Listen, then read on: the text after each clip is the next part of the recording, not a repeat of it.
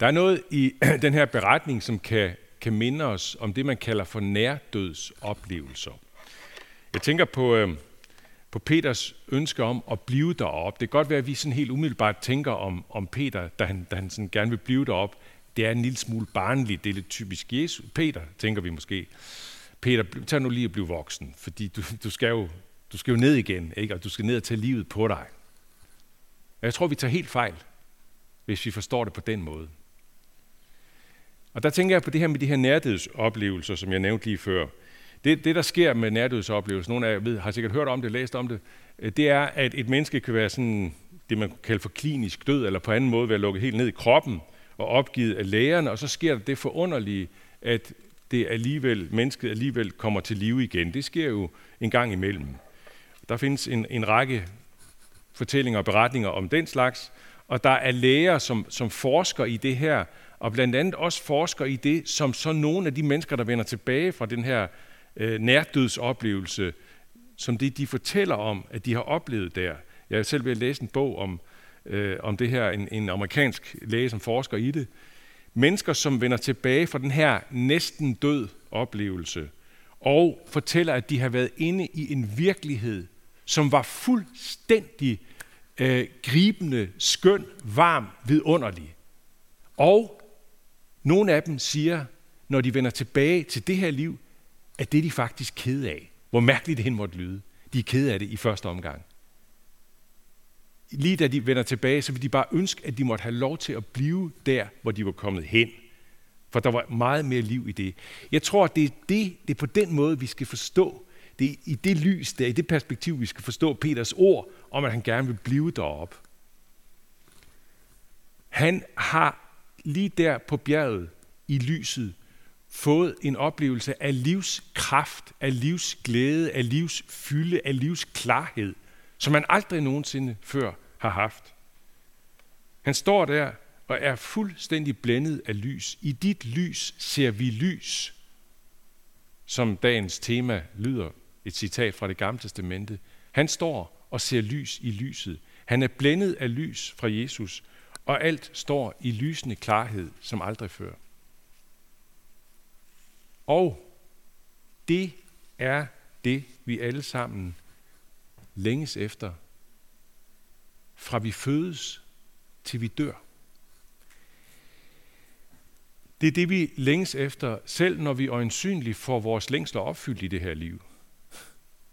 Når vi får længslen efter en god kæreste opfyldt. Når vi får længslen efter et en god ægtefælde opfyldt. Når vi får længslen efter at få et barn opfyldt. Når vi får længslen efter at få øh, en god uddannelse opfyldt, længslen efter et, øh, et godt arbejde, længslen efter et meningsfuldt liv, længslen efter god økonomi, længslen efter at coronapandemien stopper fuldstændig. Når alt det er opfyldt, og alt muligt andet er opfyldt, ja, så er der stadig en rest, en sidste længsel efter noget, der ikke er opfyldt endnu. Det, som C.S. Lewis et sted kalder for vores utrøstelige hemmelighed. Vores utrøstelige hemmelighed. Længslen efter at komme, man kunne sige måske længslen efter at komme helt hjem. Længslen efter at være der, hvor alt er badet i lys og klarhed og fuld samhørighed, fuld forståelse med alt og alle. Og den længsel, kan hvor mærkeligt den lyder, så kan den gribe os i livets allerskønneste øjeblikke. Man skulle jo tro, det var, når livet er mørkest, at vi bliver grebet af den længsel. Men det, vi gribes af der, det er jo langt snarere at bare få lov til at få lidt lys tilbage i det her liv. Men selv når vi har fået det lys, så kan vi gribes af længslen man skulle tro, man, man jeg, jeg siger ikke, at man ikke er, bliver glad, når lyset vender tilbage, efter man har siddet i mørke. Det gør man. Man bliver rigtig glad. Der, man fylder sig fred og ro. Men mærkeligt nok, så kan der stadigvæk være en uforløst længsel. I gamle dage, der havde man et meget fint begreb for det, et fint ord for det, på latin. Compunctio kaldte man det. Compunctio. Det kan oversættes med, det er nogle gange blevet oversat med en hellig smerte, eller som Louis siger det, en utrøstelig hemmelighed. En hellig smerte, en utrøstelig hemmelighed. Og det er det, der kan melde sig i livets skønneste øjeblikke. Når man går en tur derude øh, i fri, skøn, smuk natur, og man pludselig i, i sådan et mærkeligt strejf kan blive ramt af sådan en følelse af, åh, gid, gid jeg må få mere. Eller man sidder til en, en, en vidunderlig koncert til den musik, man elsker allermest, eller sidder derhjemme bare og lytter til, til skøn, skøn musik, og så mærker man tårerne komme i øjnene. Og hvor er det mærkeligt, ikke? Fordi det, det, er jo, det er jo glæde, det er jo skønhed. Men tårerne melder sig. For der er en lille længsel i det.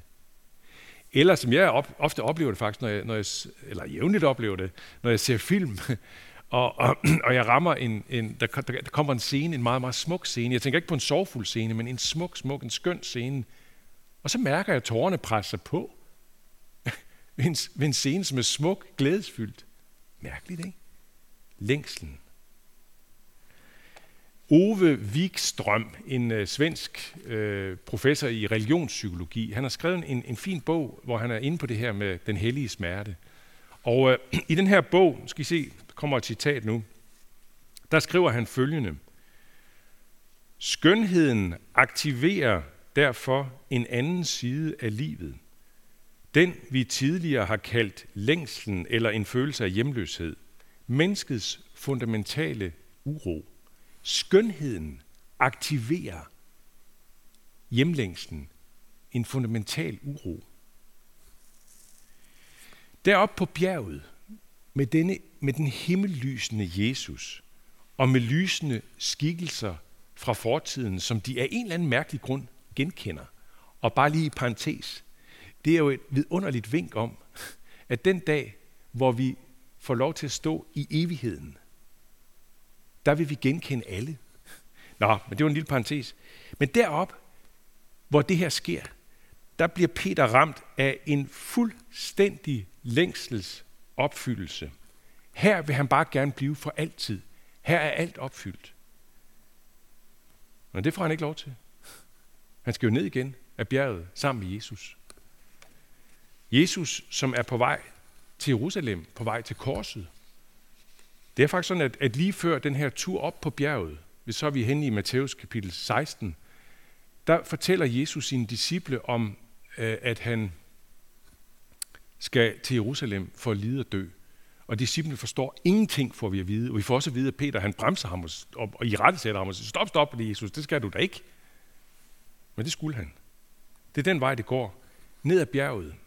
Og ifølge gamle fortællinger, som faktisk godt kan have en sandhed i sig, så skete der endda det for Peter, at han selv døde uden for Rom på et kors med hovedet nedad.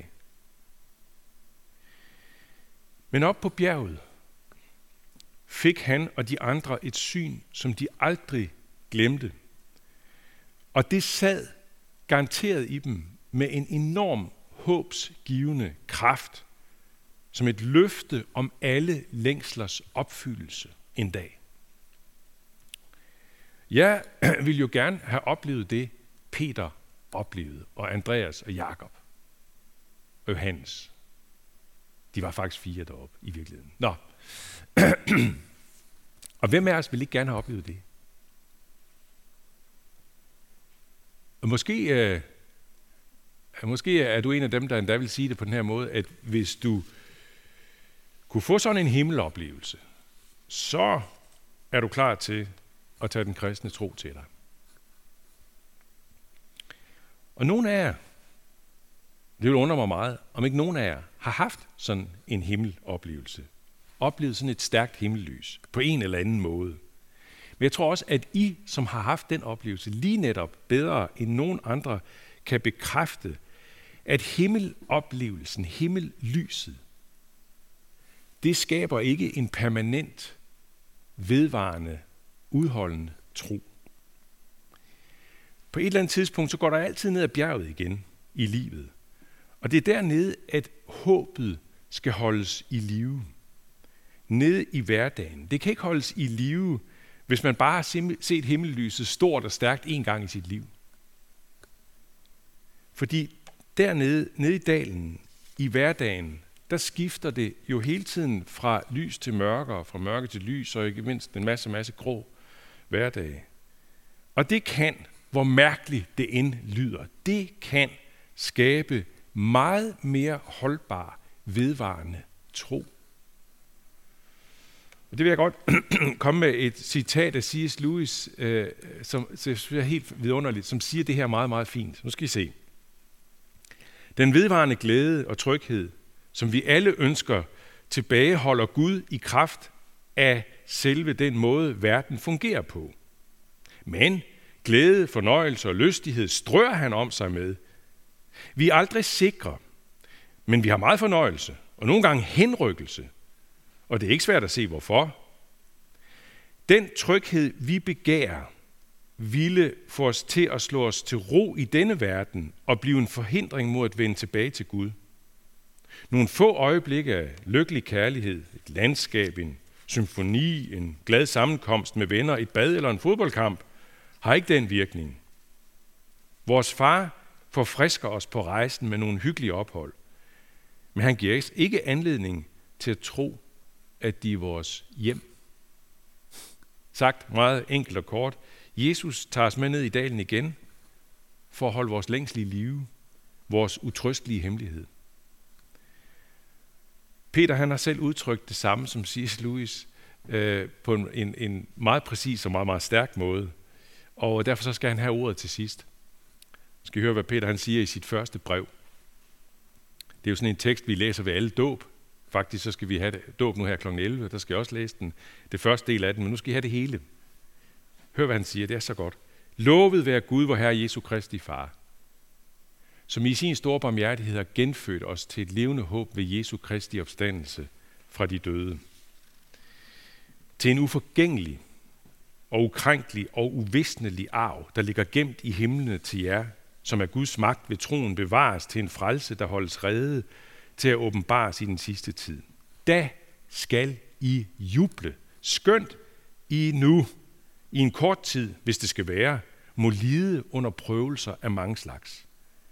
For at jeres tro, der er mere værd end det forgængelige guld, der dog prøves i ild, kan stå sin prøve og blive til pris og herlighed og ære, når Jesus Kristus åbenbares. Ham elsker I, uden at have set ham. Ham tror I på nå, uden at se ham.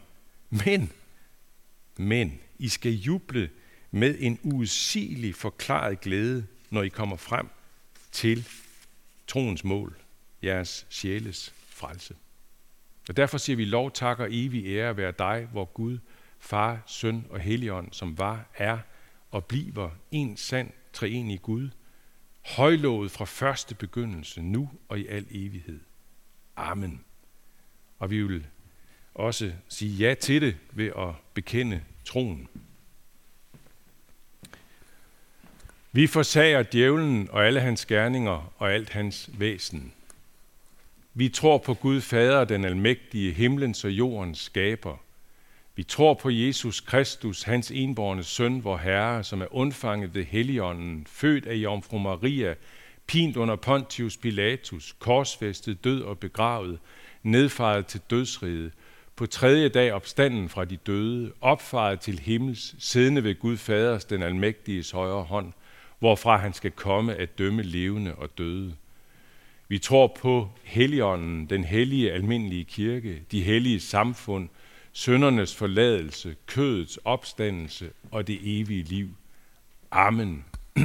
og så tilønsker vi hinanden med apostlens ord, hvor Herre Jesu Kristi nåde, Guds kærlighed og Helligåndens fællesskab være med os alle. Amen.